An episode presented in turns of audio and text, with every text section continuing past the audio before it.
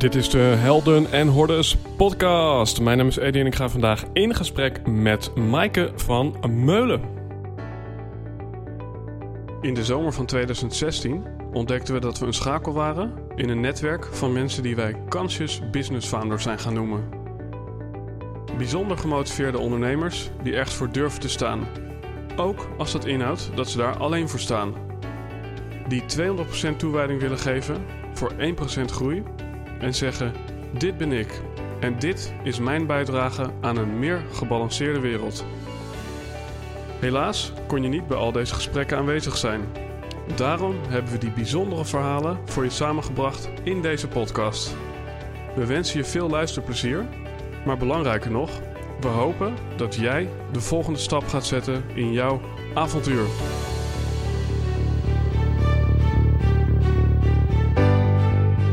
Beste luisteraar, welkom aan boord van de Helden en Hordes podcast. Je luistert naar een aflevering waarin ik in gesprek ging met Maaike van Meulen en daar hadden we het onder andere over de kracht van woorden. Nou, ik geloof dat als jij je eigen woorden op de juiste manier kunt kiezen, dan draagt dat bij aan wat je wil worden. En helpt dat ook om meer jezelf te worden. Daarom zei Einstein ook niet voor niets: If you can't explain it simply, you don't understand it well enough. Waar ik aan wil toevoegen: You don't understand yourself enough. Want als jij jezelf beter gaat begrijpen, dan word je, als je dat gaat communiceren, ook beter begrepen. Dus Maaike Vermeulen en ik houden allebei van kraakheldere communicatie. En we kennen de kracht van het benoemen van dingen, waarin je steeds meer jezelf gaat worden en steeds meer je eigen leven gaat leiden en steeds minder dat van een ander. Nou, het is een heel lekker filosofisch gesprek. Ik vond het zelf erg leuk dat het naar het eind toe eigenlijk steeds meer de diepte inging. En as always zal ik Maaike nog eventjes aan jou introduceren. Want, beste luisteraar, Maaike van Meulen is bekend als de creatieve veranderaar, spreker, facilitator en filantroop. Zo begeleidt ze inmiddels meer dan 15.000 mensen. En creatief veranderen gaat over het creëren van beweging dat leidt tot de gewenste verandering. Om daartoe te komen richt zij zich op drie pijlers: groei, vertrouwen en focus. Ze weet als geen ander dat stilstand achteruitgang betekent. Bijvoorbeeld uit de tijd met haar eetproblemen als mentale kwestie. Dus, beste luisteraar, luister naar haar levensverhaal en hoe haar levensverhaal nu bijdraagt aan het voorwaarts verrijken van vele harten van mensen in werk en leven. En dat je een missie tot uiting kunt brengen in verschillende vormen. Want, beste luisteraar, de creatieve veranderaar dat ben jij, ladies and gentlemen, Maaike van Meulen. Maaike, wat leuk dat je er bent. Eddie, dankjewel. Um, ja, we hadden uh, ja, voorafgaand aan uh, deze ontmoeting een mooi telefoongesprek. En daar gaf je een kleine outline van wat je allemaal deed.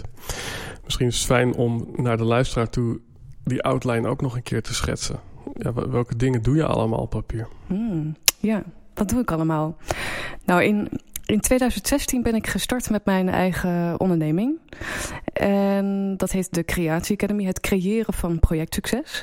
En daarbij eh, bied ik een platform om mensen mee te nemen in projectmatig werken en ook de beauty ervan in te zien. Mm um, en vanuit de Creatie Academy ja, liep dat parallel op met mijn eigen persoonlijke ontwikkeling, dat ook Maaike van Meulen en Company ontstond en Stichting Next Step. Mm um, overal om mensen voorwaarts eh, te, te, te begeleiden uh, voor die next step. Um, maar op verschillende doelgroepen gericht. Dus de Creatie Academy is gericht op mensen die projectmatig werken. Maaike Vermeulen Company uh, op de ondernemers en, en de particulier, de, de mens. Mm -hmm. En Stichting Next Step, dat is een, uh, een op zichzelf staand verhaal. Mm-hmm. En want daarbij um, ja, sta ik klaar voor een doelgroep van mensen die hersteld zijn van een eetprobleem of, of een eetstoornis. En toe zijn aan hun vervolgende volgende stap. Hè? Stichting Next Step, hoe mm-hmm. toepasselijk. Uh, maar je ziet dat in de huidige zorgketen, um, ja, wat mij betreft, nog onvoldoende nazorg uh, bestaat. Dus ik wil graag uh, het sluitstuk zijn in de huidige zorgketen van Nederland. Ja. Mm-hmm. Yes, want nou ja, je hebt in, in alle drie, kan ik wel zeggen, een heldere propositie. Ehm, je noemt jezelf, je noemt de stichting en je noemt de Creatie Academy, waarin je misschien meer richt op bedrijven of werknemers, als ik dat goed zeg. Ja. Wat is volgens jou de rode draad? Hè? Want ik hoor iets met eetstoornissen, maar ik hoor ook iets met creëren. Ik, hoor, ik, ik hoor ook iets over projectmatig werken. Is er een noemer tussen al die dingen die jij doet? Ja, als uh, spreker, trainer, coach word ik uh, geboekt als de creatieve veranderaar. Mm -hmm. En ja, dat, voor het creëren van beweging, dat leidt tot, tot jouw gewenste verandering. Dus dat is de, de overkoepelende thema wat, wat eraan hangt. Um, en componenten die daarbinnen vallen is projectmatig werken, mm -hmm. leiderschap, veranderkunde en de weg naar succes. Ja. En dan zoom ik even in op het stukje projectmatig werken. Ja projectmatig werken, in hoeverre heeft dat te maken met creatief veranderen? Want dat is misschien perceptie, maar uh, projectmatig werken, dat klinkt als een schoolvak wat ik liever zou overslaan. Oh ja? Nou ja, ik kan me voorstellen van uh, uh, creatief veranderen, daar zit een soort van avontuurlijke energie ja. bij mij. Hè? Dus het, het, heeft misschien niks te maken met wat het, wat het inhoudt, maar projectmatig werken, dat dat klinkt alsof er allerlei kaders zijn en dat je als een soort stoomlocomotief door die kaders heen moet akkeren. Hoe, hoe verhoudt het woord creatief veranderen zich tot projectmatig werken voor jou? Ik geloof heel vaak in het en-en-principe. Dus niet te snel eh, zaken uitsluiten. Mm Dus vooral ook die creatieve energie die jij ook benoemt... naast projectmatig werken zetten. Waarbij ik geloof in um, de structuren van projectmatig werken en mhm. manier van organiseren, wat je daarin ziet. Mhm. Geef mij kaders en ik ben vrij, zou het een filosoof. Ja. Is het, uh, ja, het gestructureerd vormgeven van projecten dus een plek waardoor je creatief kan zijn? Ja, ik geloof in dat, in dat kader inderdaad, waarbinnen je de ruimte hebt om creatief te bewegen. Mm Ja, ja.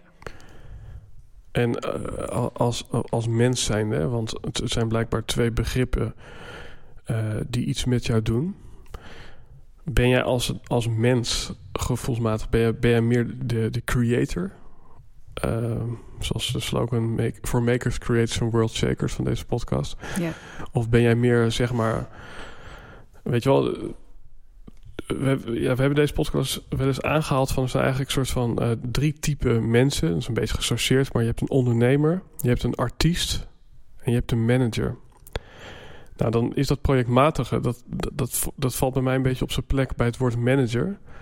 En het woord creëren valt dan voor mij op zijn plek bij het woord artiest. Ja. Kan je het ook mee oneens zijn hoor. Maar, maar even ervan uitgaande dat dat zo is. Ben je dan meer een artiest of meer manager van nature?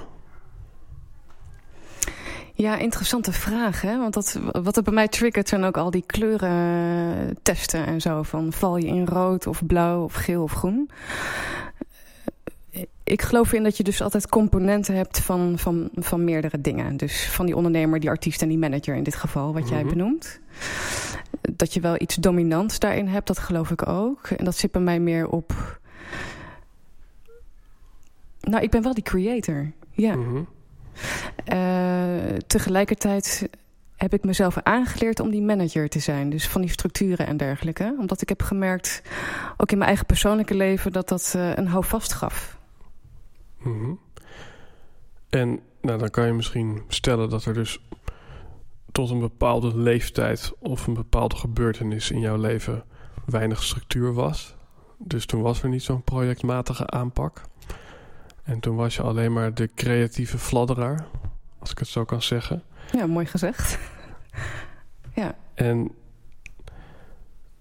welke prijs betaalde je dan voor dat je, dat je kaderloos creatief was? Want ik kan me voorstellen dat er dus ergens een behoefte ontstaat naar projectmatig werk. Ja.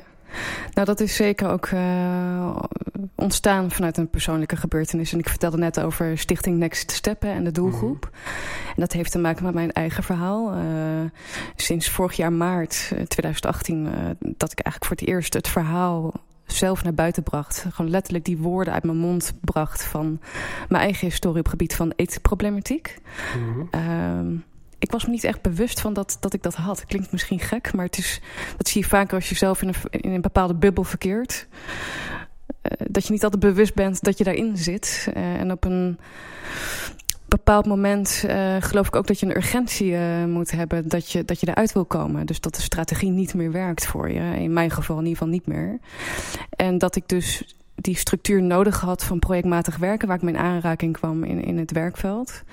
dat het mij hielp. Ik denk, verrek zeg, wat, wat, wat, wat is dit een fascinerende vorm van... nou ja, eigenlijk zijn. Het zit ja. nu echt wel in mijn systeem ook... die me iedere dag ook nog helpt, ook als ondernemer. Ja. Dus, ja, ik probeer een paar dwarsverbanden te leggen... maar wat, wat heeft een eetstoornis te maken met met misschien jouw creatieve kant? Of, of had het er helemaal niets mee te maken?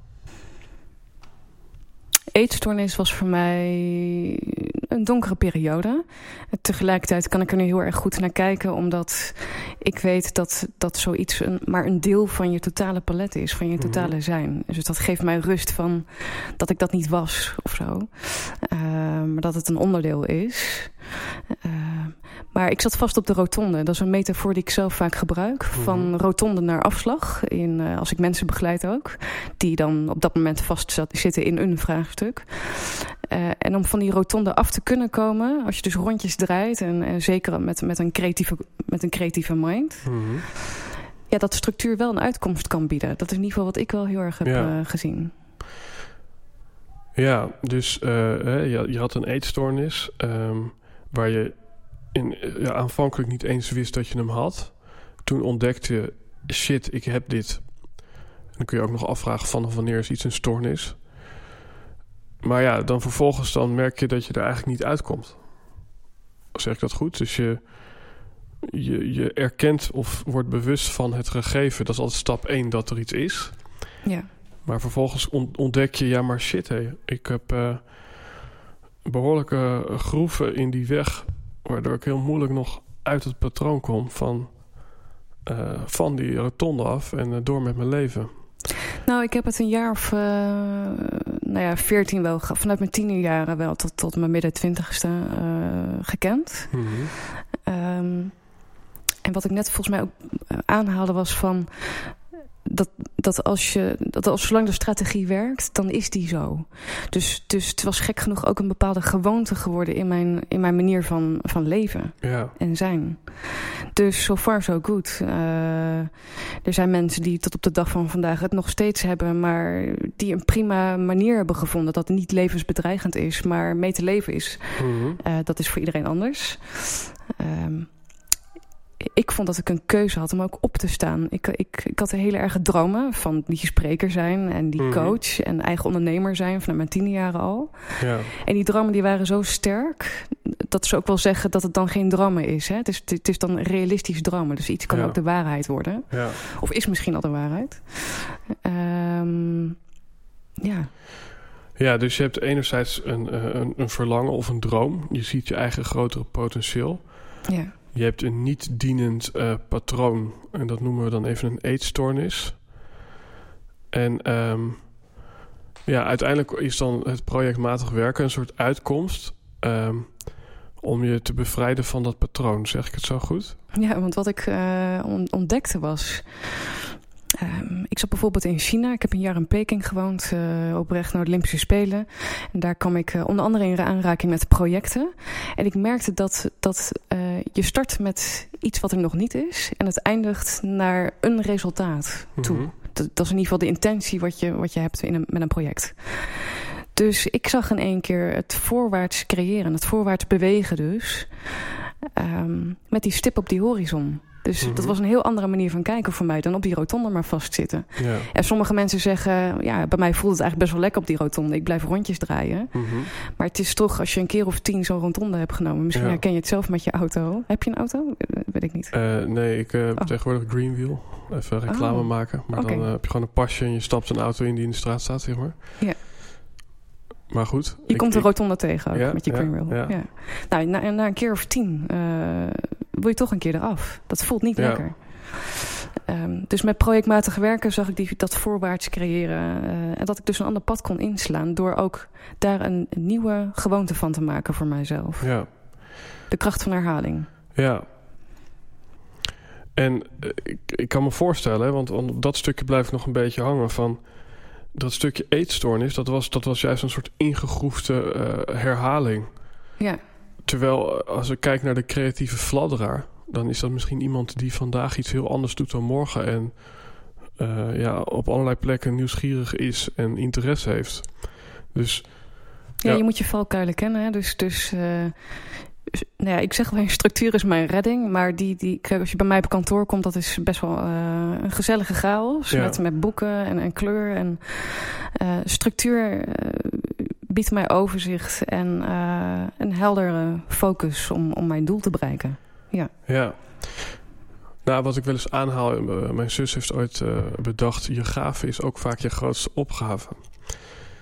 En die zit hier voor mij bij jou, als ik die aan je mag teruggeven, dat jouw gave is dus dat je eh, filosofisch, dromerig en creatief bent.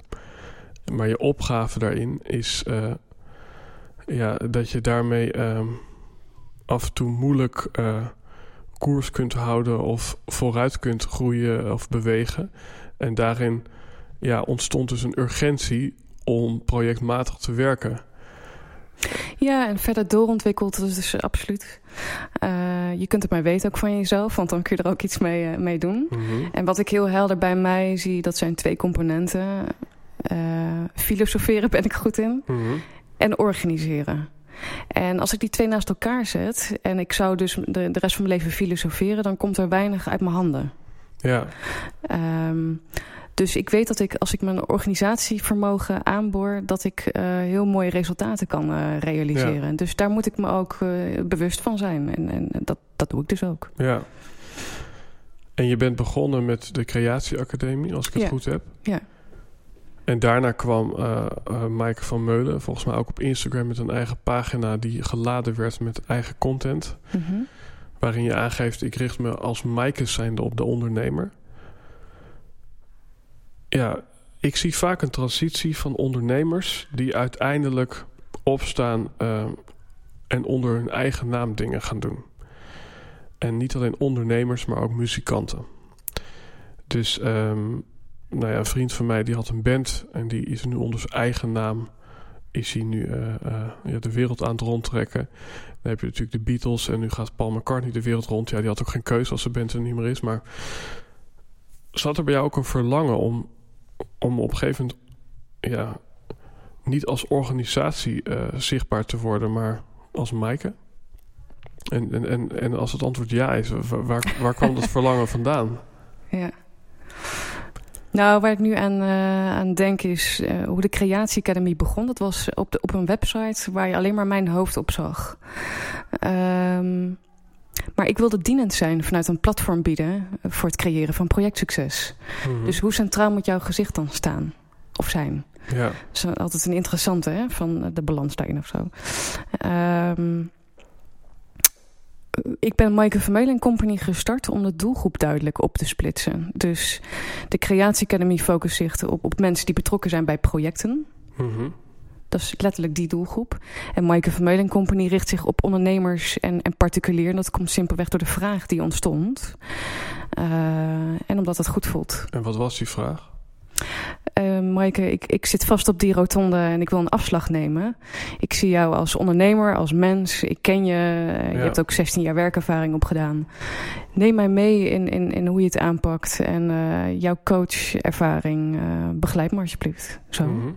Maar ook als spreker. Dus op een gegeven moment merkte ik ook een toenemende vraag voor bijvoorbeeld groepen vrouwen, wat ik dan toch nu uh, zie, om te vertellen over die creatieve veranderaar en de weg naar succes over en, en, en hoe leiderschap en veranderen kunnen daar, daar Mhm. een rol spelen. Um, dus dat, dat voelde goed uh, op die manier. Ja, wat, wat ik ook vaak zie, hè, want je zegt van uh, spreker, daarnaast coach, kan je ook, ja, dat weet ik niet, maar vanuit de Creatie Academy ben je misschien of facilitator of je bent trainer of ook coach, dat weet ik niet. Jij mag het zeggen. Ja, en, uh, kijk, Kijk, soms ben ik die coach, maar dan wordt het niet op de werkvloer zo genoemd, door wat voor reden ook. En dan word je mhm. de facilitator genoemd of de procesbegeleider. Dus dat is, ja, dat is dan een naam. Ja. Ja, want ik vraag me af of, of je vanuit het, ja, een duidelijke visie. En dan noem ik even uh, het stukje rotonde en de afslag nemen. Als, als, als een soort van ja, uh, belangrijk metafoor, dan wel propositie, waarvanuit je eigenlijk iedereen helpt veranderen en misschien creatiever en gelukkiger te zijn. Is daarin het zo dat je door die missie eigenlijk vrij staat van de vorm waarin je mensen helpt? Dus de ene keer is dat als coach, de andere keer is dat als spreker. Of zeg je nou, hoe ik het eigenlijk zie is, iedereen heeft ja, uh, toch wel een stukje specialisme. En bij mij is dat bijvoorbeeld eigenlijk spreken. Hoe, hoe, hoe is dat voor jou? Is, is iedere coach die hier naar luistert, is die eigenlijk ook misschien een trainer, een facilitator en een spreker? Nee, uiteraard niet. Nee. Uh, ik hoor heel veel vragen in, in jouw vraag. ja. dus ik weet even niet zo goed waar ik uh, moet beginnen. Nou ja, dat ik, ja. ik, ik zie dus vaak dat, dat mensen zich ja, niet, niet op het vlak van missie, maar op het vlak van beroep of expertise zich op heel, heel veel manieren presenteren. Dus je bent zowel een topcoach als een topspreker, als een uh, toptrainer. En dan vraag ik me eventjes af van, uh, ja... Kan dat? Kan dat? En, en, kan je, en, en, als je start, is het verstandig om, juist eh, volgens jou... is het verstandig om te beginnen met het hele palet... Of is het juist verstandig volgens jou om te beginnen met één ding en daarna rollen er misschien nog wat extra expertise omheen? Nou, hoe ik in ieder geval nu bezig ben, is dat de Creatie Academy op, uh, op één staat momenteel. Mm commercieel gezien ook. De, stichting is net opgericht en uh, dat is vrijwilligerswerk, waar mijn hart en ziel in zit. Maar dat zit in een andere fase. Mm -hmm. Dus Creatie Academy staat bij mij bovenaan, kun je zeggen. Ja. Um, Maaike Vermeulen en Company, daarin zie. Want ik, ik weet inderdaad, als je, je moet keuzes maken, hoor je dan. Hè, en en hoe, uh, hoe beperkter, hoe beter uh, en dat soort dingen. Maar omdat ik... Um, de mensen van Stichting, ja, na deze podcast wel, maar de Stichting, Stichting Next Step, de doelgroep die ik daarmee bedien, die weten niet dat ik ook de Creatie Academy heb, wat zich richt op de doelgroep van projectmatig werken. Ja. Dus ik heb het op die manier heel duidelijk uh, gescheiden van elkaar.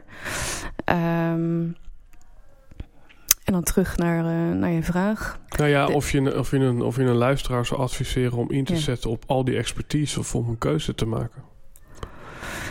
Nou, los van expertise, eh, als ik dus kijk naar mijn uh, twee bedrijven en stichting, geef ik voorrang aan de Creatie Academy. Mm -hmm. En daarin heb ik een doel te bereiken, dat is het bouwen van een platform. Dat doe ik met een podcast en een groot festival wat aankomt in oktober. En word ik als die spreker geboekt, dat is niet dagelijks. Um, en als coach of consultant in bedrijven. Ja. Nou, dat, dat, dat, werkt goed, dat, dat zijn ja. diensten die, die bekend zijn. En, ja, nou, wat, wat me heel erg opvalt, en, en dat is dan wat ik er als luisteraar, want ik ben ook een luisteraar, ja. er even uithaal van die vraag van uh, wat ben je en, en, en, wat kun je en wat moet je doen, is misschien niet zo relevant. Uh, wanneer je het dus echt be belicht vanuit de, ja, de ondersteunende rol aan, aan het oplossen van een probleem voor, voor, voor een groep ja. mensen. Ja en ik hoor jou dus eigenlijk de hele tijd bekijken vanuit... Ja, enerzijds wat werkt in business, maar anderzijds wat nodig is om het probleem op te lossen voor de juiste mensen. En, en ik denk dat, dat dat is wat mij betreft, ik heb ooit zelf een keer gezegd, wat wil er via mij tot uiting komen, is een betere vraag dan de vraag wie ben ik of wat wil ik. Want het is vaak een soort Inception, uh, ja, om die vraag goed te beantwoorden. Wie ben ik? En de vraag wat wil ik is vaak een vraag waar je ego tussen komt. Hè? Van, ja, het liefst wil je natuurlijk op een podium staan en een groot applaus ontvangen. Liever dan dat je alleen met één iemand in een ruimte zit te coachen. Maar het is meer belicht vanuit van wat er nodig is voor, voor ja, voor, voor jou een missie. En, en, en dat, dat, dat siert je, denk ik. Dus... Dat zit echt in iedere vezel. Ja.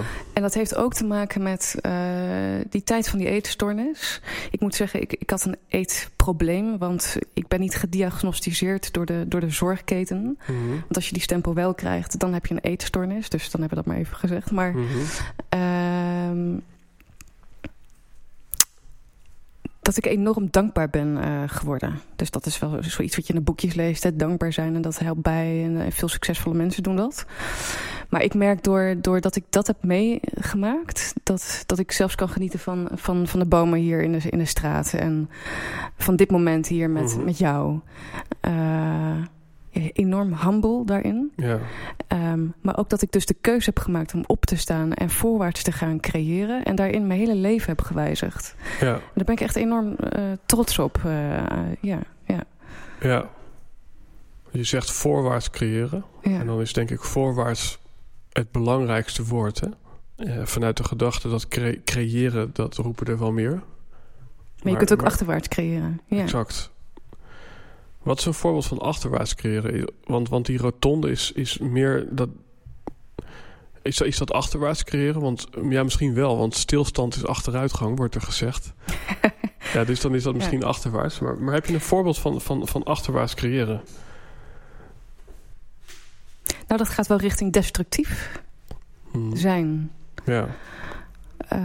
Um, zaken die je belemmeren, de hordes, Ja. angst, Ja. twijfel. Ja, op, om, om wat voor reden ook onzeker zijn om. Mhm. Ja. Ja. Nou ja, interessant. Ik, ik, ik zit inderdaad te denken van... eh, we kunnen allerlei dingen creëren om, om weg te blijven... bij het werkelijke oplossen van het probleem. Dus eh, bij wijze van spreken... eh, ik heb hoofdpijn. De echte oplossing van het probleem... is het onderzoeken waar die hoofdpijn vandaan komt. Ja. Maar het creëren van een achterwaartse oplossing... is jezelf helemaal vol te stoppen met aspirine. ja. Om, om maar wat te noemen. Nee, nee, Ja. precies. Ja. Ehm, ik, Dus, dus kijken naar de oorzaak Ja. inderdaad. En niet, niet die pleisters plakken. Ja. Dan gaan we nu even een stukje omdenken. We zitten nog steeds op de rotonde. Ja. En ehm, nou is mijn opa... eh, het is vandaag eh, officieel, eh, beste luisteraar, warmterecord. Misschien morgen weer, hè. Dus dan... Misschien die dag daarna weer. Ja. Dus dan weet je alsnog niet op welke dag deze podcast is opgenomen. Dat is interessant. Dat even terzijde. Maar mijn opa, die is dus op dit moment volgens mij 92, als ik het goed heb. Wauw, wat een leeftijd, jong. Ja, en die heeft het nogal warm. Ehm, of beter gezegd, zijn lichaam signaleert niet helemaal dat hij het warm heeft. Wat eigenlijk nog gevaarlijker is. Want dan kan je ja, misschien overhit raken zonder dat je het doorhebt. En toch heeft hij die leeftijd. En mijn oma was 3 of 94. Die is vorig jaar ook op de warmste dag van dat jaar overleden. Ja? Als ik het goed heb. Het was in ieder geval een hele hete dag. Als, als ik nou kijk van wat, hoe, hoe, hoe kijkt de familie aan tegen deze twee toch wel oude verschijnselen. Ja, dan zijn er eigenlijk twee woorden die ook wel bijvoorbeeld in Japanse boekjes worden aangehaald. Die belangrijk zijn bij oud worden. Ja. En dat is eh, eh, ja, gedoseerd leven en continuïteit en ritme. Of, of, of, of dagritme. Of, eh, ja, dan zou je nog aan kunnen toevoegen... dat is ook nog een mooi medicijn tegen depressie... als je een bepaalde ritme of structuur in je leven hebt. Hm. Maar dan denk ik bij mezelf... ja, maar is het dan niet veel beter om op die rotonde te blijven? Want als je iedere keer uit je comfortzone gaat... door die afslag te nemen... ja, dan, dan heb je in ieder geval niet het leven... wat mijn opa en oma hebben gehad... die letterlijk 50 jaar iedere dag hetzelfde hebben gedaan... en hetzelfde hebben gegeten en hetzelfde hebben gedronken...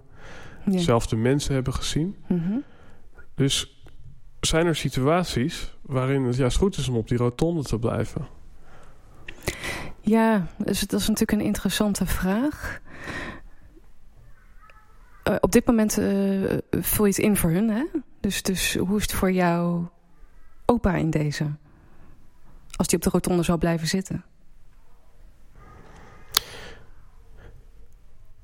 Ik weet niet of hij daar echt helemaal gelukkig is. Maar ik denk wel dat, dat, dat, dat het ook weinig vraagt van, van zijn gestel zoals hij nu leeft. Ja. En dan vind ik dit ook wel weer een typisch voorbeeld inderdaad van... eh, zolang de strategie voor iemand werkt... wie zijn jij en ik om daaraan te tornen? Ja. Ja, Dus wij kunnen van alles vinden... maar als dat voor die persoon werkt... ja. Dus wat ik je hoor zeggen is... je bent er voor de mensen die de afslag willen nemen. absoluut. En Ja. zo, zo eenvoudig is het. Ja. Dus dan kunnen we die vraag ook doorstrepen. uh, uh, ja, heeft iemand nog een vraag? Uh, nee. nee, grapje. Nee, um, ik ga je een hele rare vraag stellen. Nou, doe eens. Ben jij religieus opgevoed? Kom, Kom ik zo over? Dat vind ik wel weer fascinerend. Nee, nee nou, nee, nou ja omdat, omdat uh, ik, ik me kan voorstellen, ik heb zelf een jeugd waarin uh, ik redelijk uh, religieus ben opgevoed. En ja, daarin is het, ja, hoe ik het heb ervaren, is het toch ook van kleur binnen de lijntjes. En er zijn heel veel regels. totdat je op een gegeven moment daar ja, een beetje dat, dat beschaafde en dat geconformeerde en spuugzat bent. En dan stap je er ook gewoon compleet uit. Dat, dat was in mijn leven in ieder geval het, het, eerste moment dat ik van de rotonde afstapte. Dat ik hmm. zei van jongens, ja. ik geloof niet eens dat ik, dat ik, dat, dat ik geloof wat, wat, wat, wat, wat er in de kerk wordt verteld. Heb jij dat ook? In, in... nee, ik ben niet. Ja, ik ben rooms-katholiek opgevoed, maar het is altijd heel erg uh, open gehouden wat ik daar zelf mee zou mm -hmm. doen. Ik heb al vaker gehoord om me heen dat, dat het lijkt alsof ik de tien geboden nastreef. Of uh, vanuit heel erg uh, principiële normen en waarden die ik wel heb. Mm -hmm. En dat is wel wat ik ook heel erg mee heb gekregen vanuit thuis uit. Van ga met anderen om zoals je zelf wilt dat je behandeld wordt. Nee, je kent, je kent mm -hmm. al die tegeltjes. Of misschien, ja, die ken je denk mm -hmm. ik wel. Um, en daar ben ik ook heel trots op. Ja, mm -hmm. ik kan wel zeggen dat ik uh, heel erg goed mijn best doe, laat ik het in ieder geval zo zeggen, om zo zuiver mogelijk in het leven te staan. Al heb ik natuurlijk ook in de praktijk gemerkt dat uh, andere mensen dat totaal niet zijn. Mm -hmm. uh, maar goed, daar leer je alleen maar van. ik ben op mijn 18 op mezelf gaan wonen in Antwerpen. En dat was wel om mij in positief opzicht te onttrekken van het thuisfront om mijn eigen ik uh, te ontwikkelen. Mm -hmm. Mijn eigen zin had ik altijd wel. Ja. Uh, dus dat was ook wel een prima moment. Ja, dus ik heb zelf ook zo'n ervaring gehad dat ik naar Brighton ging. Ja, is, is voor jou zeg maar om dichter bij jezelf te komen... of om te ontdekken wie je bent... is het dan no nodig om jezelf geografisch te verplaatsen? Om even helemaal uit de context te gaan van de mensen waar je normaal mee bent, het klimaat waar je normaal in zit? Hmm. Mm, nou, kijk, ik creëer graag mijn eigen bubbel. Mm -hmm. Dus naast hectiek en met mensen omgaan en, en uh, die spreken op de bühne te zijn, uh, ben ik ook die, die, die, kluister, die kluizenaar in een bubbel. Mm -hmm. Is dat wat je, ja, wat je bedoelt? Nou ja, mijn vraag is van... Ja. Kijk, we hebben het spreekwoord van de helikoptermodus. Weet je, als je even afstand neemt, dan, dan zie je ineens misschien wie je bent. Uh, dan zie je wat, wat je nodig hebt. En misschien zie je ook wat de omgeving waar je vandaan komt mist. En wat je mm. daar nog kunt toevoegen. Ja, ik denk dat dat van nature al heel erg in mij heb. Dus ik schreef bijvoorbeeld al als klein meisje uh, in dagboeken. En ik, reflecteerde al heel erg vroeg. Mm -hmm. Mooi, uh, ja. Maar ook bijvoorbeeld uh, muziek. Piano spelen, daar kon ik helemaal in opgaan. Mm -hmm. Dat waren allemaal momenten van terug naar mijn eigen kern. Ja. En dat deed ik eigenlijk van kleins af aan al. Ja. ja. Nou, dat vind ik meteen wel... Dat, dat, dat, dat is denk ik een hele heldere vergelijking. Omdat ik weet dat heel veel jongeren denken van ja, dat ze zo'n reis moeten maken om, om thuis te komen bij ja. zichzelf. Dat is een mooie, een mooie woordspeling natuurlijk. Maar ja, jij geeft eigenlijk aan van je kunt ook projecteren of reflecteren of uitzoomen met een boekje of met een stukje muziek. Of, ja. ja, ik heb lang hè, meditatie uh, enorm uh, zweverig gevonden of zo. Mm -hmm. um, want als ik op een, een, een bankje zit in, in een park ja, daar ben ik bewijs van aan het mediteren. Of ook muziek heeft die bepaalde werkingen. Mm -hmm. Misschien niet exact zoals meditatie op zichzelf staand, maar uh, of film kijken. Dat zijn eigenlijk vormen van meditatie ook. En, en dat is voor mij al voldoende om mij ook op te kunnen laden. Mm -hmm. En, en dan terugkomend op je vraag van... heb je dat dan nodig om overal nergens te kunnen wonen of zo, wat je zei? Om je te, geografisch te verplaatsen? Mm -hmm. Ja, het meebrengen van jezelf is, is wel handig uh, om te doen. Ja, ja. ja. Ja, ja, nou ja, interessant. Is er een plek in het bijzonder die daarvoor uh, ja, een soort van het verschil heeft gemaakt? Een plek op de wereld voor jou? Nee. Want, want, waar ben je allemaal geweest? Je, je bent ook naar Japan geweest, geloof ik. Je bent ja, ik, heb, uh, ik ben in Apeldoorn opgegroeid. En mhm. vervolgens uh, in Antwerpen en Amsterdam gaan wonen voor, voor stages. En in Leeuwarden uitgekomen, de, de Hoge Hotelschool gedaan. Mm en vervolgens afgestudeerd in China, in Peking, op weg naar de Olympische Spelen. En daarna ben ik in het Brabantse neergestreken, want ik was niet meer honkvast. Ja. Um, en dat kon dus ook overal zijn na China. Want ik had geen plek meer in Nederland. Dus ik kon opnieuw kiezen. Ja. Dat is mooi natuurlijk, als je de ruimte hebt om zelf te kiezen. Mm En Den Bosch is dat in die tijd geworden waar ik 14 jaar dan heb gewoond omdat het simpelweg goed voelde. Dat voelde als een verlengde van mijn eigen zijn. Het begon die mm bepaalde warmte en, en gezelligheid of zo. Dus, ja, tof. Ja. Nou ja, interessant. Want ik bedoel, ik, ik hoor niet een soort van heel duidelijk van... nou ja, reizen moet of reizen heeft me dit of dat gebracht. Nee. En toch eindig je dan ineens in Peking, weet je wel. En dan ga je daar uh, van alles doen. Dus ja, bij mij was het heel anders. Ik denk, ik, ik had het echt nodig om uh, een motief te hebben... Uh, ja, en, en een paar mensen die me bijstonden om, om grote reizen te maken. en een goed verhaal naar mezelf waarom ik dat ging doen. Dat, oh, oké. Ja, ik deed vooral. En ik vond het maar reuze spannend en avontuurlijk. Ja. Uh, enorm nieuwsgierig ben ik ook. Een, uh, een levensgenieter, een, mhm. een intense uh, persoon. Mhm. Ja. Maar goed, als je me nu vraagt... Maaike, zou je weer een jaar in China willen wonen? Dan, dan zeg ik nee, dankjewel. Mm Dat zou ik nu totaal niet meer passen. Dus dat vind ik ook wel weer interessant. Ik, hoef, ik moet er nou niet aan denken om op zoveel verschillende plekken te wonen. Maar dat is misschien juist omdat ik een keer of 14, 15 ben verhuisd mhm. in totaal. Ja. ja. Dus meer rust ook toch wel gevonden. Ja. Mhm. ja. En uh, van rust gaan we naar uh, ja, rust vinden in alles wat je doet, zou ik willen zeggen. En dan zie je dat veel, want ik hoor, ik hoor drie toch al redelijk grote initiatieven van jou. Uh, met ook nog een duidelijke missie of een visie erachter. Ja, is, en, een, en een gezin. Ja, nou ja, dat is exact. Want, want ja, wat, wat vind je van het uh, oeroude muurtegeltje... om even bij de muurtegels te blijven... van uh, hout werken en privé gescheiden? Nou, ik, ik, ik lees ook voldoende, weet je wel. Uh, ik weet dat jij veel leest. En dan, dan zie je natuurlijk ook verschillende zaken voorbij komen. Van dat het in elkaar mag vervloeien van, van weekend en door de weekse mhm. dagen en dergelijke. Ik heb dat een tijd gehad, maar ik ben er wel op teruggekomen. Dus ook daarin breng ik structuur aan en zeg ik ook duidelijk nee op momenten dat ik dus niet bezig ben met mijn business. Mhm. Dus bijvoorbeeld de weekenden. Ik heb heus wel eens een mail dat ik check en dergelijke. Maar ik scherm het voor mezelf af. Dan is echt mijn gezin heilig. Ja. En ook dat, dat oplaadmoment. En, dat, en ook weer uh, meer beschouwend kunnen kijken met wat je aan het doen bent. Mm want ik ben die filosoof, maar ook een enorme doener natuurlijk. Want anders kan ik die, die bedrijf en die stichting niet draaien. Uh, dus dat vraagt ook afstand nemen en ook behouden. Mhm. en, dat er, en daar ook letterlijk tijd voor te creëren. Dus dat is wel waar ik me bewust van moet blijven. Ja.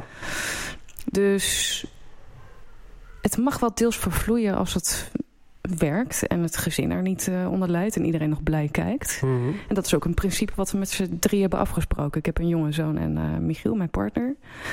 Uh, dat als een van ons niet lacht, dat we met elkaar uh, in beraad gaan. maar in ieder geval met elkaar spreken van... joh, wat is er aan de hand en hoe kunnen we dit het beste aanpakken? Ja. Dit doen we echt met elkaar. Mm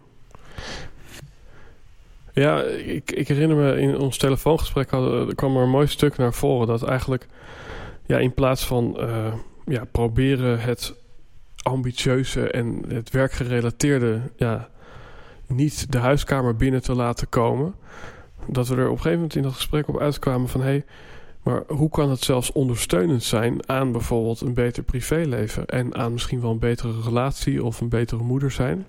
Ja. Want, want in, in hoeverre ja, leert dat projectmatige werken uh, mij, mij ook om, om, om misschien een betere man thuis te zijn? Hmm. nou, Uh, ik ben een enorme planner.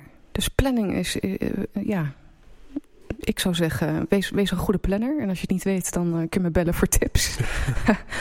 um, en plannen betekent dus, wat doe ik vooral niet? We weten Mhm. heel veel wat we wel willen. Maar kijk eens naar wat je niet wilt en skip dat. Mhm. Ehm, we zijn heel goed om van alles in die trechten te gooien aan ideeën. Of je nou creatief bent of niet. Als ondernemer Mhm. ben je vaak heel enthousiast.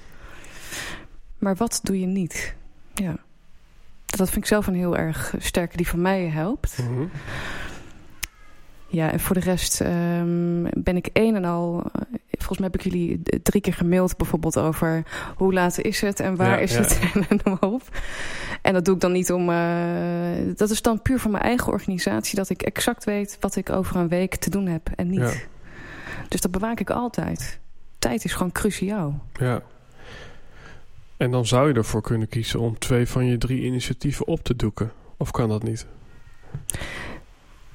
Iets wat goed is, hoef je niet op te geven. Mhm. Zou ik ook vooral niet doen. Ehm, pas wel je tempo aan. Dus ik heb bijvoorbeeld een jong gezin. En dat Mhm. houdt in dat ik misschien minder meters maak nu in mijn, in mijn bedrijvigheden. Dan dat ik zou willen. Maar dat is een tempo die nu heel erg goed voelt. We hebben een zoon van eh, twee jaar, acht maanden. Mhm. Ja, het is gewoon prachtig ook om deze fase eh, mee te maken. En überhaupt natuurlijk. Ja.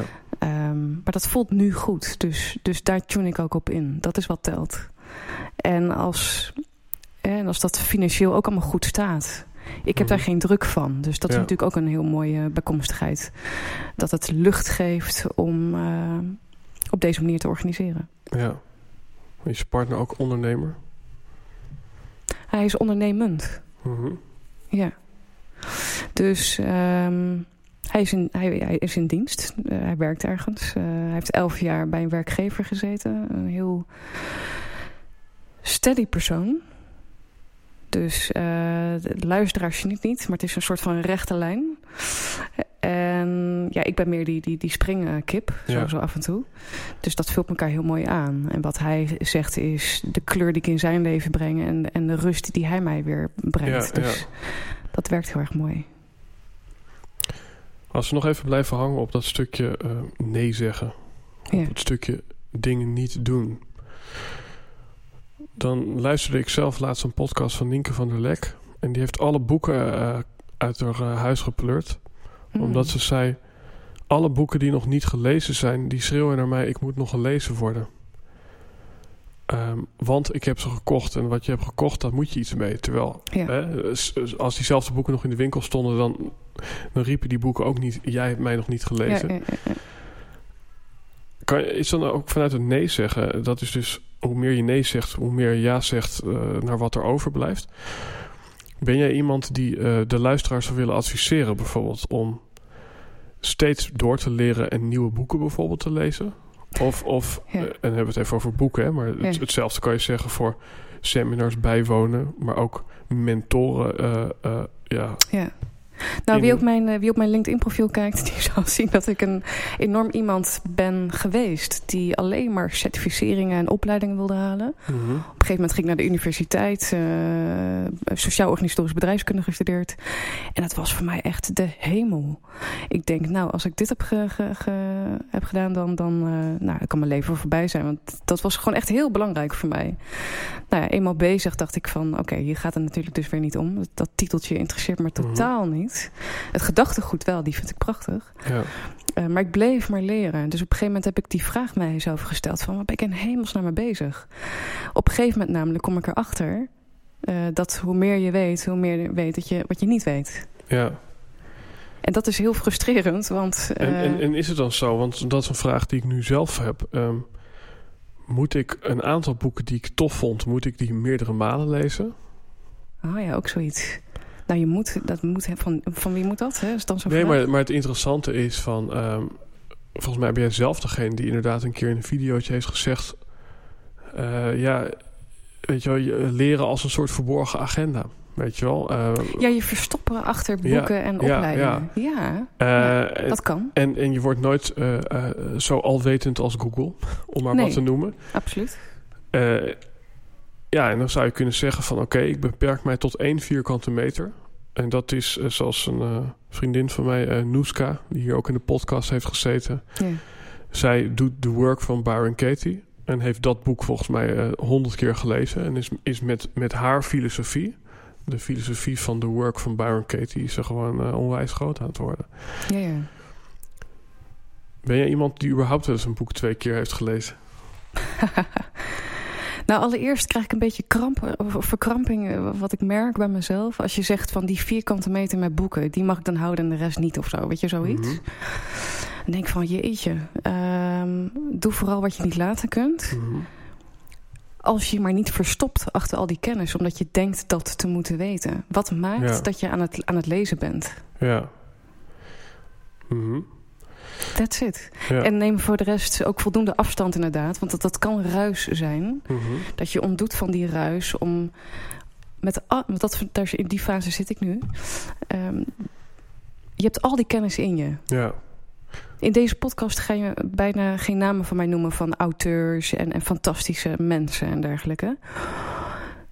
Ehm, we leven met z'n allen in dezelfde hoofdstuk. Mhm. Dus de kans is heel klein dat jij en ik iets nieuws bedenken. Het is alleen eh, gebaseerd op een eigen gecreëerd verhaal. Dat is op zichzelf staan prima, hè? Ja. Dat is geen goed of fout. Maar omdat we met z'n allen in hetzelfde hoofdstuk zitten... Ja, is de kans groot dat je eh, iemand anders kopieert... tussen aanhalingstekens eh, gezegd. Maar dat kan ook je rust geven. Dus dat je kunt, gewoon kunt zijn. Je neemt al je kennis mee. En je gaat voor jezelf trechteren van... wat haal ik hier nu uit? Wat wordt mijn eigen gedachtegoed? Ja, en ik vind het wel heel interessant. Want wat, wat, wat, ik er, wat ik er dus uithaal, wat je nu zegt, is dat het de vraag die voorafgaat aan een handeling of een keuze, dat is eigenlijk waar het om gaat. En die vraag die komt altijd voort vanuit, eh, ja, weet je wel, waar ma- maakt mijn hart een sprongetje van? Of, of, of wie ben ik? Of, of wat, wat is mijn bijdrage? En dan, Nou, je gaat terug naar je eigen zijn, denk ik. ja, Laatst mocht ik iemand eh, begeleiden in, eh, en die, zit, die zat vast op haar werk. Ehm, en ik ging aan haar vragen wat haar behoefte was. mhm, Ik hoef details niet te vertellen, maar waar het om ging is... dat ze managementboektaal ging hanteren. mhm. Dus weet je wel, eh, noem eens een paar van die kreten. Eh, Ehm, ja, bijvoorbeeld eh, eh, HR, eh, eh, wat is het? eh, interim management of zo. eh, ja, dat, dat soort taal, Ja, weet je wel? ja. Van, van, van die buzz, buzzwords. Of noem Ja. dat? dat? Die, die, dat eh, modewoorden. modewoorden. Ja. Ehm, leuk. Maar dan vraag ik opnieuw... Wat is jouw eigen taal? Creëer jouw eigen taal. Mhm. Dat maakt het uniek. Ja. Niet de taal van iemand anders. Ja. Ja, mooi. En het interessante daaraan vind ik van... Het is dus eigenlijk een, een nieuwe vorm geven... Ja, aan, aan, aan inhoud die, die misschien al in een soort van het universum hangt. En, en daar een soort van authentieke ja, authentiek design overheen leggen. Ja, het wordt heel filosofisch nu, maar... En de paradox is, van wordt ons altijd geleerd... het gaat om de inhoud en niet om de vorm. Maar wat ik hier uithaal is dat hoe jij het vormgeeft... hoe jij jouw woorden vormgeeft en jouw taal boetseert... dat heeft wel degelijk een betekenis om... eh, er voor de mensen op zijn minst te zijn... eh, eh, die bij jou moeten zijn, niet bij een ander. ja exact. Ja, En dat, dat geloven mensen ook, hè? Dat voelen mensen gewoon. Of als je geen gevoelsmens bent, dan hoor je het in ieder geval. Ja. Of, of ja. er zit dan een bepaalde energie in... Mhm. die uniek is van die persoon die een bepaalde Ja. taal heeft gecreëerd. Ja. Als we het dan over muziek hebben. eh, jij hebt natuurlijk eh, ja, aangegeven... Ik, ik heb me- meditatie in de vorm van piano spelen gedaan. Ja. Wat, wat ik heel mooi vind van de jazzmuziek... Ik luister ook wel eens jazz... Is... Daarin zijn er ontzettend veel regels. Als we kijken naar de oude jazz... Dan zijn dat hele moeilijke ja, boeken... met allemaal noten en octaven en G-sleutels en toestanden... En als je naar, naar een eh, jazzbandje gaat in New York, Fantastisch. ja, dan, dan heb je af en toe helemaal niet. eh, Doordat daar zoveel regeltjes achter zitten. ja, dus het is een soort van verheven vorm van geef mij kaders en daarna ben ik vrij. Ja.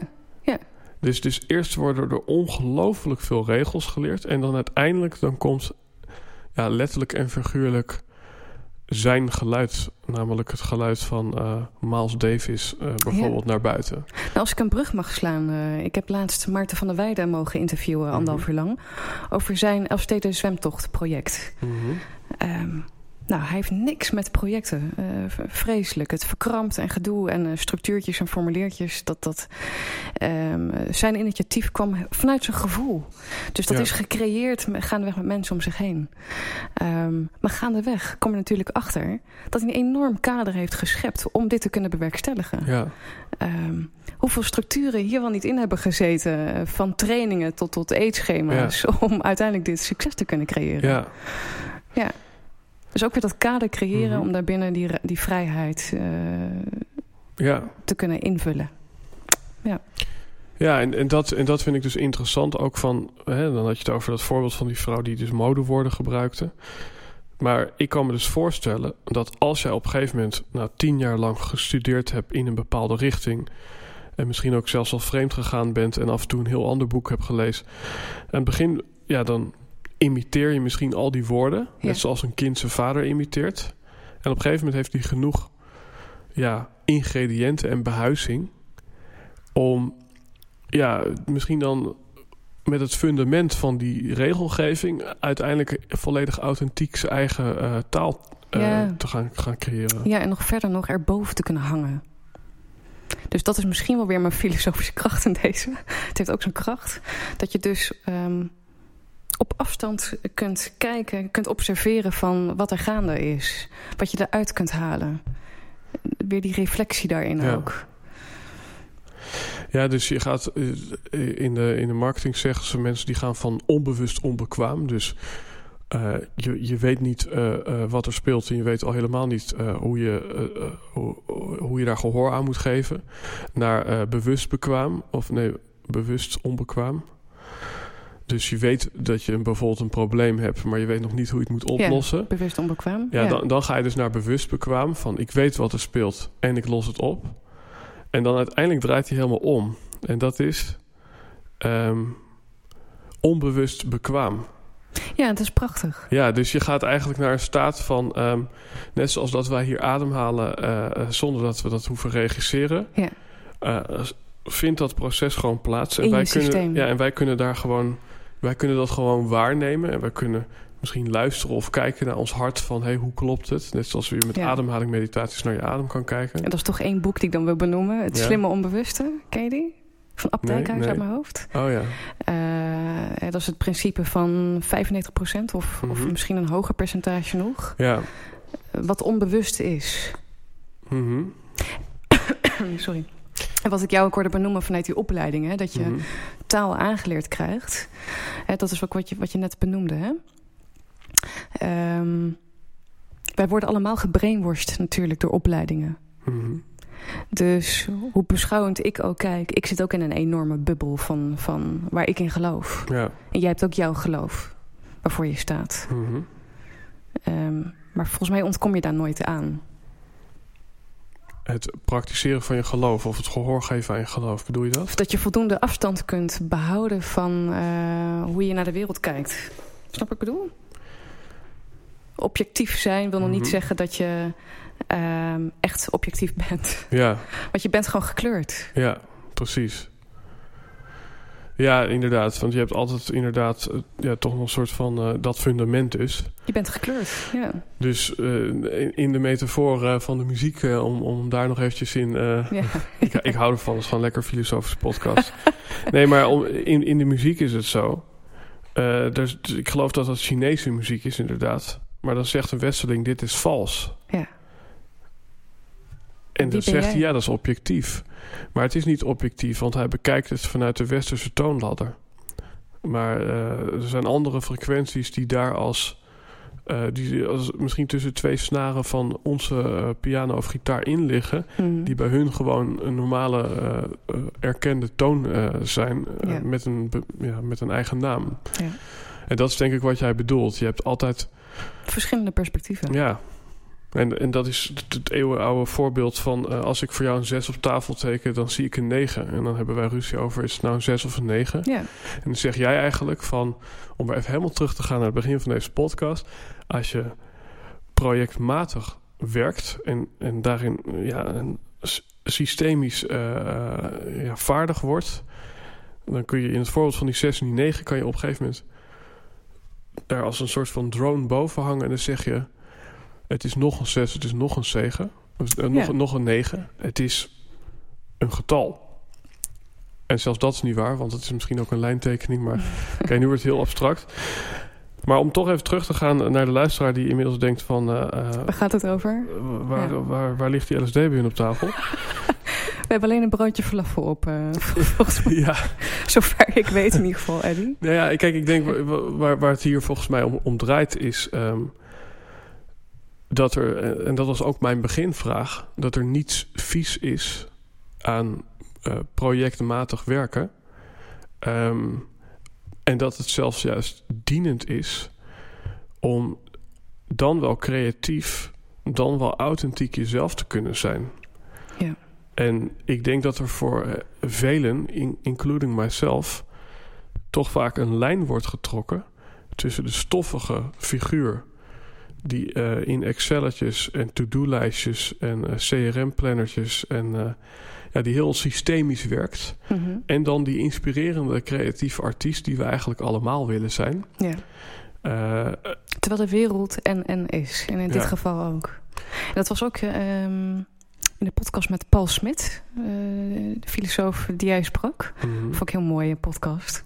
Um, daar hadden jullie het ook over drie types. Um, de impulsieve, de de gestructureerde mhm. en de, man met, of de persoon met testosteron. Zeg ja, meteen ja. een man, maar ja, kan ook een vrouw zijn. um, maar je kunt ook van beide iets zijn, weet je wel? Dus het is niet van, oh, jij bent van structuur, dus je bent ellendig. Ja, ja hoe, dat, dat kan. Ik, ik sprak laatst iemand um, die zei: Maaike, een MBA, wat vind jij daar nou van? Mm -hmm. MBA is heel erg populair en dergelijke. Hè? Een soort bedrijfskunde, maar dan uh, niet wettelijk erkend. Dus mm volg één dag bij Ben Tichelaar en dan ben je binnen. Uh, en dan kun je de titel achter je naam schrijven. Mm -hmm. Ja, dat is wel heel erg die blauwe stroptassen gehalte. Hè? Dat, dat blauwe ja. kreeg ik te horen. Ik zeg ja, is dat wel zo? Misschien heeft die persoon al zes andere studies gevolgd... en is de één grote kruisbestuiving van allerlei verschillende zaken. Misschien heeft die persoon ook uh, psychologie gestudeerd, uh, uh, filosofie... en bundelt hij dat met, met de structuren van een MBA. Nou, hoe prachtig is dat? Ja. Dus, die, dus de kleur van mensen, die, die, die, ja, die is meer dan wat wij denken te zien, denk ik. Denken ja. te zien, denk ik. Ja, ik denk dat ik te veel denk, denk ik. ja, die. Um, en dan vind ik het interessant, want nou, ik trek hier een soort van tussentijds conclusie van... Ja, Eddie, wat Mike hier eigenlijk zegt... is als je nou gewoon datgene wat je bij jezelf niet ten overvloede aanwezig hebt... als je dat nou aanvult met, met de yang uh, van de yin... dus het tegenovergestelde... dan ja, ontstaat er een soort volledigheid. Dus uh, als je heel creatief bent en je leert daarin bijvoorbeeld projectmatig te werken, dan heft het elkaar op. Ja. Maar voor een ander geldt misschien als je heel erg vanuit systemen denkt, dan moet je misschien uh, wat vaker naar een feestje gaan en uh, ja, een beetje losbandig leren worden. Ja, dat is die context, hè? Context waarvan we afhankelijk zijn. Dus, dus je kunt creatief zijn, maar als je ook brood op de plank wil krijgen, ja. dan vraagt het dus weer misschien meer structuur ja. om, om je geld binnen te krijgen. Maar de vraag is, want ik heb natuurlijk ook met Peter Maas dan gezeten en jij ook. Uh, de entrepreneur is eigenlijk de combinatie van de ondernemer die kijkt hoe die brood op de plank krijgt. Uh, met de uh, persoon die zichzelf authentiek manifesteert vanuit creatie. Maar dan kan je ook zeggen, als jij die Maaike bent die die creatieve fladderaar is...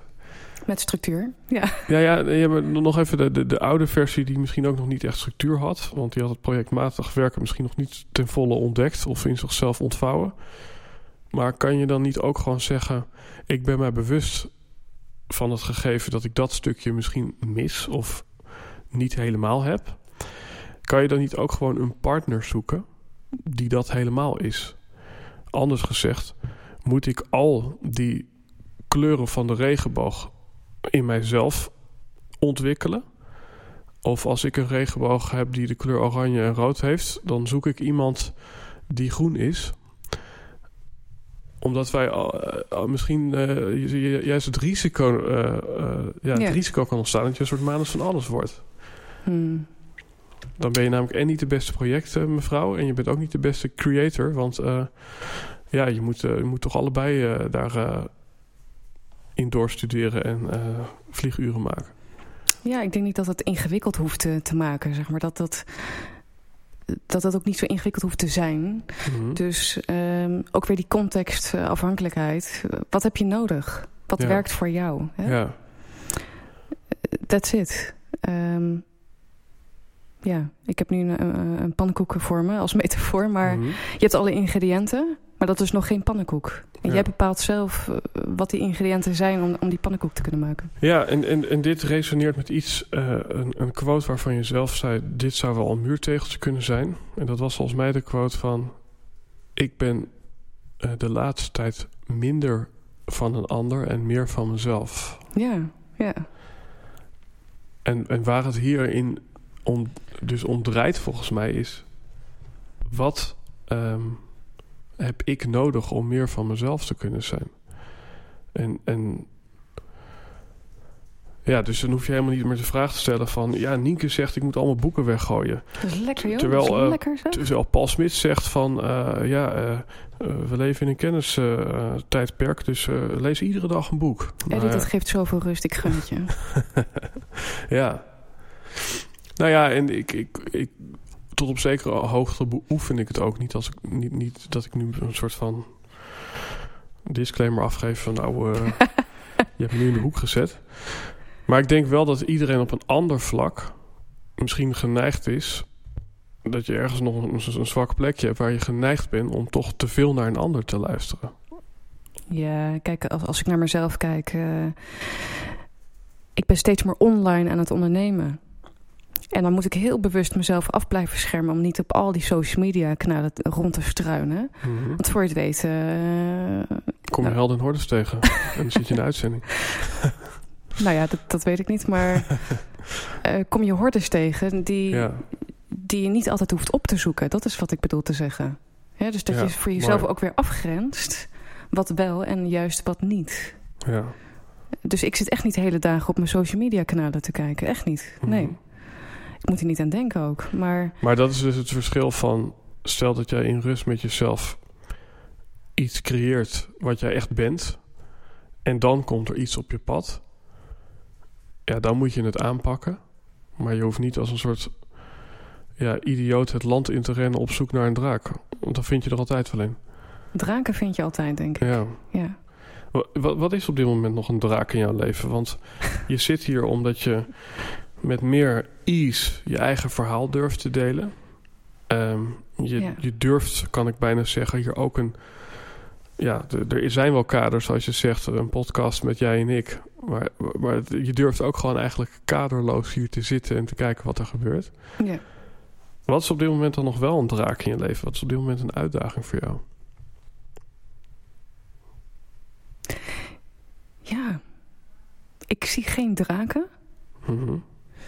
Een, een thema is eh, laten zien wat in mij leeft. Mhm. Eh, daar ben ik heel goed mee eh, bezig. Dat is vooral ook weer online. Hè? Dus de mensen die me niet kennen, dat zij mij leren kennen. Ehm, en daar ben ik klaar voor. Dus, dus die drakenkop is eraf. Mhm. Wat ik, die ik wel eerst had. eh, vanuit veiligheid. Kijk, ik startte mijn onderneming bijvoorbeeld in 2016... dat ik opdrachten bij andere bedrijven ging doen. Maar dat was een verkapt verstoppen. Hè, om daar dus eh, mooie opdrachten te mogen doen.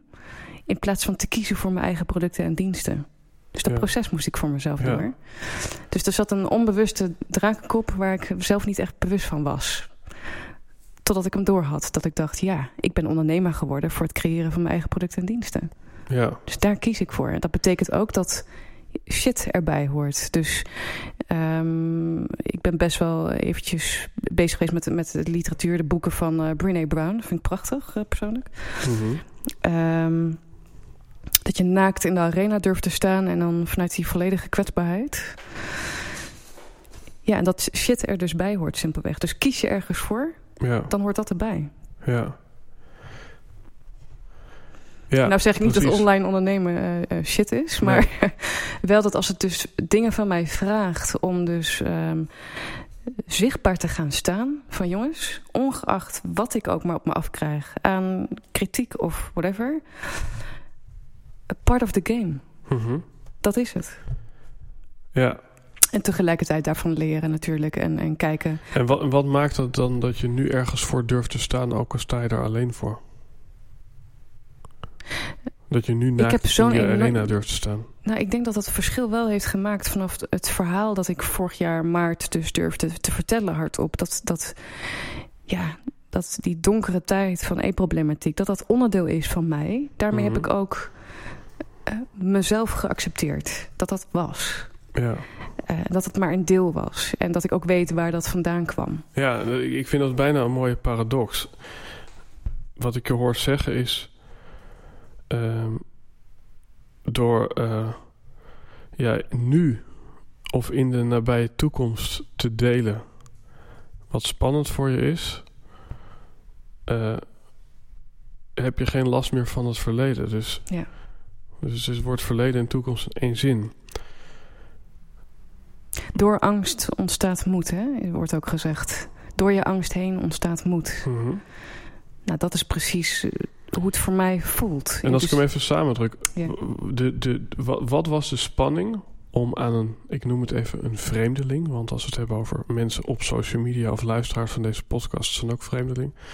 Wat was voor jou de spanning om jouw concept of visie te laten klinken in een ruimte met onbekende mensen? Waar komt dat vandaan? Ja, ik weet niet of dat spanning was. Het ging me heel goed af. Vanaf dag één had ik opdrachten. Ehm, dus het ging goed. Ik heb offline een enorm sterk netwerk. Omdat ik altijd vanuit relaties met mensen contact creëer. Ik wist niet dat mijn netwerk zo sterk was, maar dat, maar dat, dat is die. Mhm. Ehm, dus als iets goed gaat, dan voelt het ook weer safe. Ja. Dus ik zie nu ondernemen als een soort van ehm, eh, computerspel. Je begint in, in, in level 1. Mhm. Ik moet nu aan Mario Brothers denken, of wat was dat vroeger? Mhm, Van, eh, nou ja, op de Atari met mijn broertje. Ehm, dat level speel je uit. En in dat level word je steeds beter om het einde te kunnen bereiken. Weet je wel? Ja. Dus, de- dus in dat level creëer je gewoontes. Mhm. Nou, voor mij was dat heel safe, prachtige opdrachten mogen doen in organisaties. Niet mijn eigen producten en diensten. Dat was Mhm. level 1. Toen dacht ik, dit gaat wel heel erg makkelijk. Dus ik, ik hou het nog safe. Wat kan ik nog meer doen? Dus ik ben naar level 2 gegaan. En die gaan uitspelen. Dat is Mhm. dus het creëren van mijn eigen producten en diensten. En dat staat dan ook, het loopt door. Nou, en nu wil ik een groter bereik, want dat concept klopt gewoon. Eh, en dat is een kwestie van doen. Ja. ja, want zoals je het nu beschrijft, dan, dan hoor ik niet echt die lading van, van, van het naakt in de arena staan, zeg maar. Van, Hmm. Ja, voor mij is naakt in de arena staan. Kijk, ik, ik weet dat ik, ik krijg vaak te horen van je bent heel goed in woorden en het komt allemaal eh, lekker eruit, hè? Ja. Dat, ehm, maar het is zoiets groot voor mij. Dus dat is eh, heel erg iets dubbels of zo. Ehm, die stichting en dat verhaal daarachter. En waardoor ik dus ook projecten ben gaan doen. En dat persoonlijke verhaal daarachter. Mhm. Dat is voor mij het meest kwetsbare. Wat gaan mensen ervan vinden? Is het niet too much? Eh, is het niet te heftig? Of Ja. dat soort eh, dingen. Nou, en ik denk, ik denk eh, datgene wat, wat je denkt dat anderen heftig vinden, dat is eigenlijk alleen maar iets wat je zelf heftig vindt, omdat het voor jou een thema is waar, waar je nog weinig woorden aan hebt gegeven. Dat heb je misschien te veel nog binnengehouden. Ja. En, ik- en waarom zeg ik dit? Omdat ik dit herken. Eh, ik vond het heel eng om te zeggen dat ik een keer een plekje op mijn been heb gehad, wat op papier een melanoom was. En het was dan achteraf een goed aardige melanoom, maar Ja, is toch schrikken. ik, ja. ik dacht, jeetje, weet je wel, ik, ik heb dat toen op een gegeven moment in een podcast gezegd, nou, ik wou die podcast offline halen. ja. Nobody cares. Mensen, mensen hebben echt.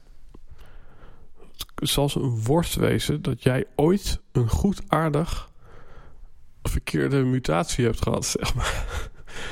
En dat is met bijna alles wat ik ervaar. ja. Nobody cares dat jij een. eh, eh, ja, dat, dat jij moeite hebt gehad met voeding. Mm.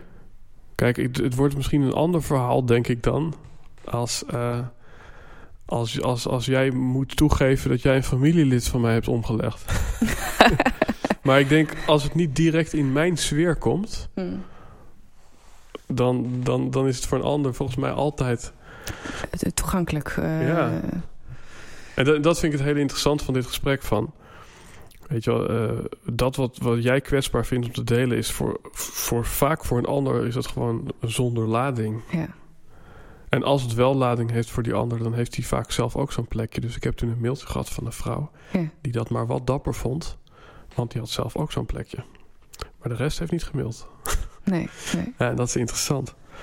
Ja, eh, dat weet ik inderdaad. Ja.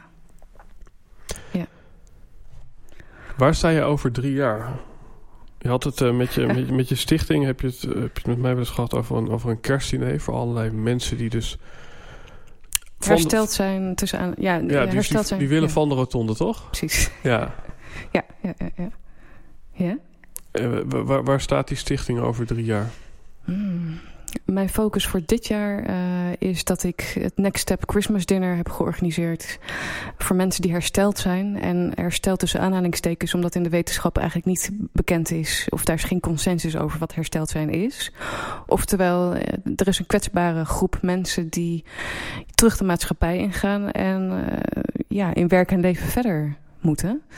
Mhm. Um, en die wil ik een structurele zachte kussen bieden. Met bijvoorbeeld het event ook. Het samenbrengen van mensen. eh, 150 mensen bij uh, Soesterduinen in Soest. Um, de locatie is gesponsord. Maar dat is mijn eerste grote landelijke event.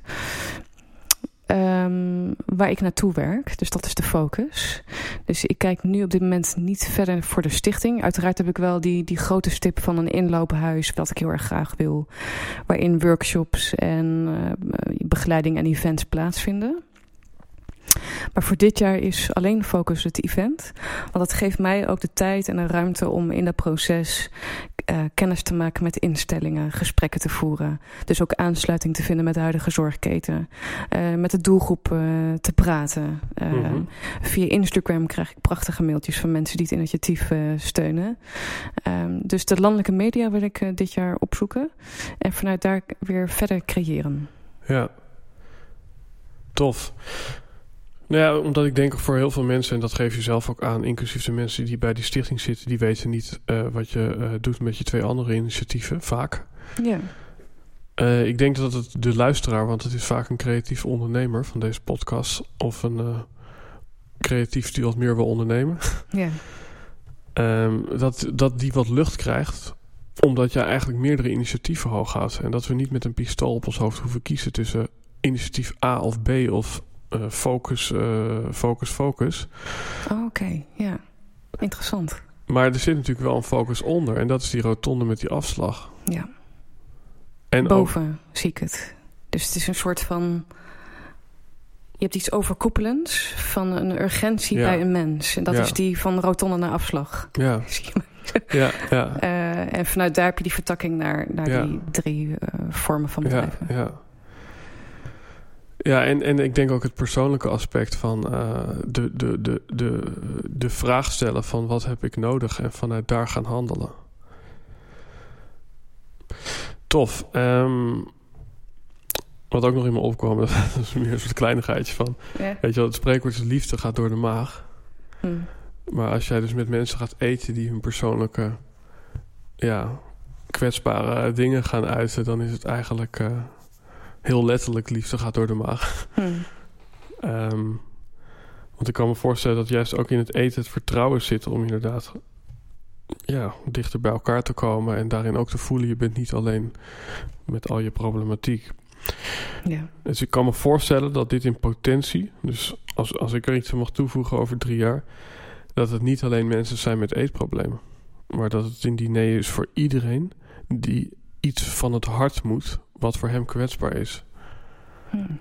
Kan me voorstellen. Mooi. Ja, dan wijst het wel het doel van de stichting. Zit ik, zit ik meteen in structuren te denken. Mm -hmm. Ja, herken ik. Zo, zo, zo kan ik ook zijn. Ja. Want ideeën zijn mooi. Uh, maar het moet ook helder blijven voor de doelgroep die ik, die ik dit jaar dien. En waar, Ja. waar, waarvoor de stichting staat. Ja. Anders kan je, ja, dus, dus, dus eerst moet het pro projectmatig helemaal rond zijn. En dan kan je net zoals bij die jazz, daarna kunnen we nog wel helemaal uit de maat gaan uh, musiceren. Het is eerst uh, kijken hoe de doelgroep hierop reageert. Daar, daar zit ik met hart en ziel in. Mm -hmm. Om erna te kijken wat dan de behoefte is. En dat vind ik meteen wel een aardige toevoeging. Niet omdat Hè, dus iets doen voor een ander waar de ander iets aan heeft. Dus niet omdat ik dat zo leuk vind, maar omdat de ander daar iets aan heeft. Dus de doelgroep van mensen die hersteld zijn van e-problematiek van eetstoornis... die moeten zich ook veilig voelen bij uh, een eventuele wijziging en dergelijke. Hè? Dus, dus het is niet omdat ik het leuk vind, maar omdat het bijdraagt voor de ander. Mm -hmm. En dat geeft jou ook weer een goed gevoel en een stukje voldoening. Ja, zo werkt uh, het voor de mens wel vaak. Ja. ja. En voor mij ook. Ja. Wat zou je de luisteraar willen meegeven uh, vanuit misschien de gedachte uh, dat je nu ja, op een punt in je leven zit dat je zegt: Ik heb de ervaring met het nemen van een afslag. Ik heb, uh, ja, ik heb ook de ervaring van steeds naakter voor vreemden durven te laten zien wie ik ben en ook de wat minder vrije kantjes toch ook in de etalage durft te zetten. Wat, wat zou je de luisteraar willen meegeven? Nou, hoe ellendig je het ook kunt hebben of hebt gehad. Um, ik hoop dat ik laat zien dat, uh, dat het mogelijk is om dus voorwaarts te creëren. Waar, waar ik laat zien bij mijn twee bedrijven en stichtingen een missie wil nastreven. Om zoveel mogelijk mensen te kunnen helpen. Um, nou, dat het als een inspiratie mag dienen. Dat het dus mogelijk is. Mm -hmm. Met structuur en creativiteit. Met filosofie en organiseren. Ja. Ja, mooi. Ik vind het vooral mooi dat, dat wat ik bij jou eigenlijk merk is... je staat eigenlijk voor structuur. Maar wat ik, jou, wat, ik, wat ik van jou als mens krijg... is dat ik nergens concessies hoef te doen... en nergens zwart-wit hoef te denken... en nergens uh, mijn darlings hoef te killen. Hm. Maar dat het allemaal juist onderdeel kan zijn van die voorwaartse uh, creatie. Vanuit het zijn van jezelf.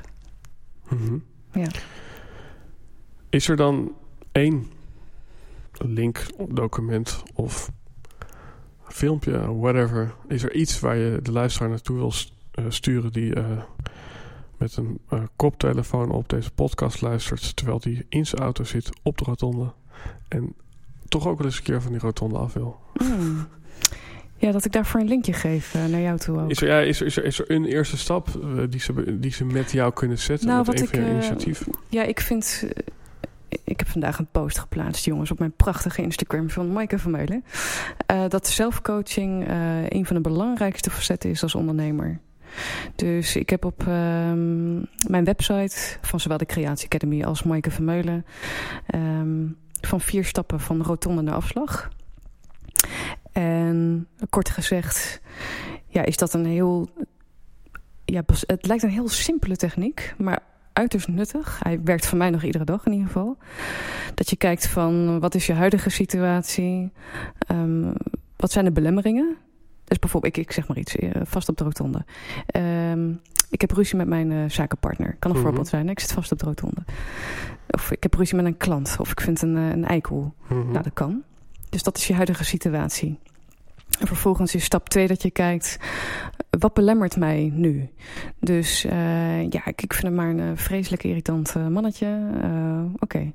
Nou, wat kan helpen om het naar een andere situatie toe te brengen? Wat kan helpen? Ja, dan moet je dus echt te raden gaan in jezelf. Hè? Dus dat vraagt heel iets anders. Dus je gaat Mhm. echt stilstaan in je eigen zijn. Dat vraagt ook tijd nemen. Maar dan is bijvoorbeeld een gesprek voeren wat, wat regelmatig eruit komt. Dat kan dus al heel erg veel helpen. Dat je Mhm. denkt, verrek zeg, als ik gewoon een gesprek voer met, met die persoon, Ja. dan kom ik al uit. Dus het zijn soms ook die heel kleine dingen die jou van die rotonde af kunnen halen. Dat zijn niet altijd grootste zaken. Nee, dat is natuurlijk ook letterlijk, hè?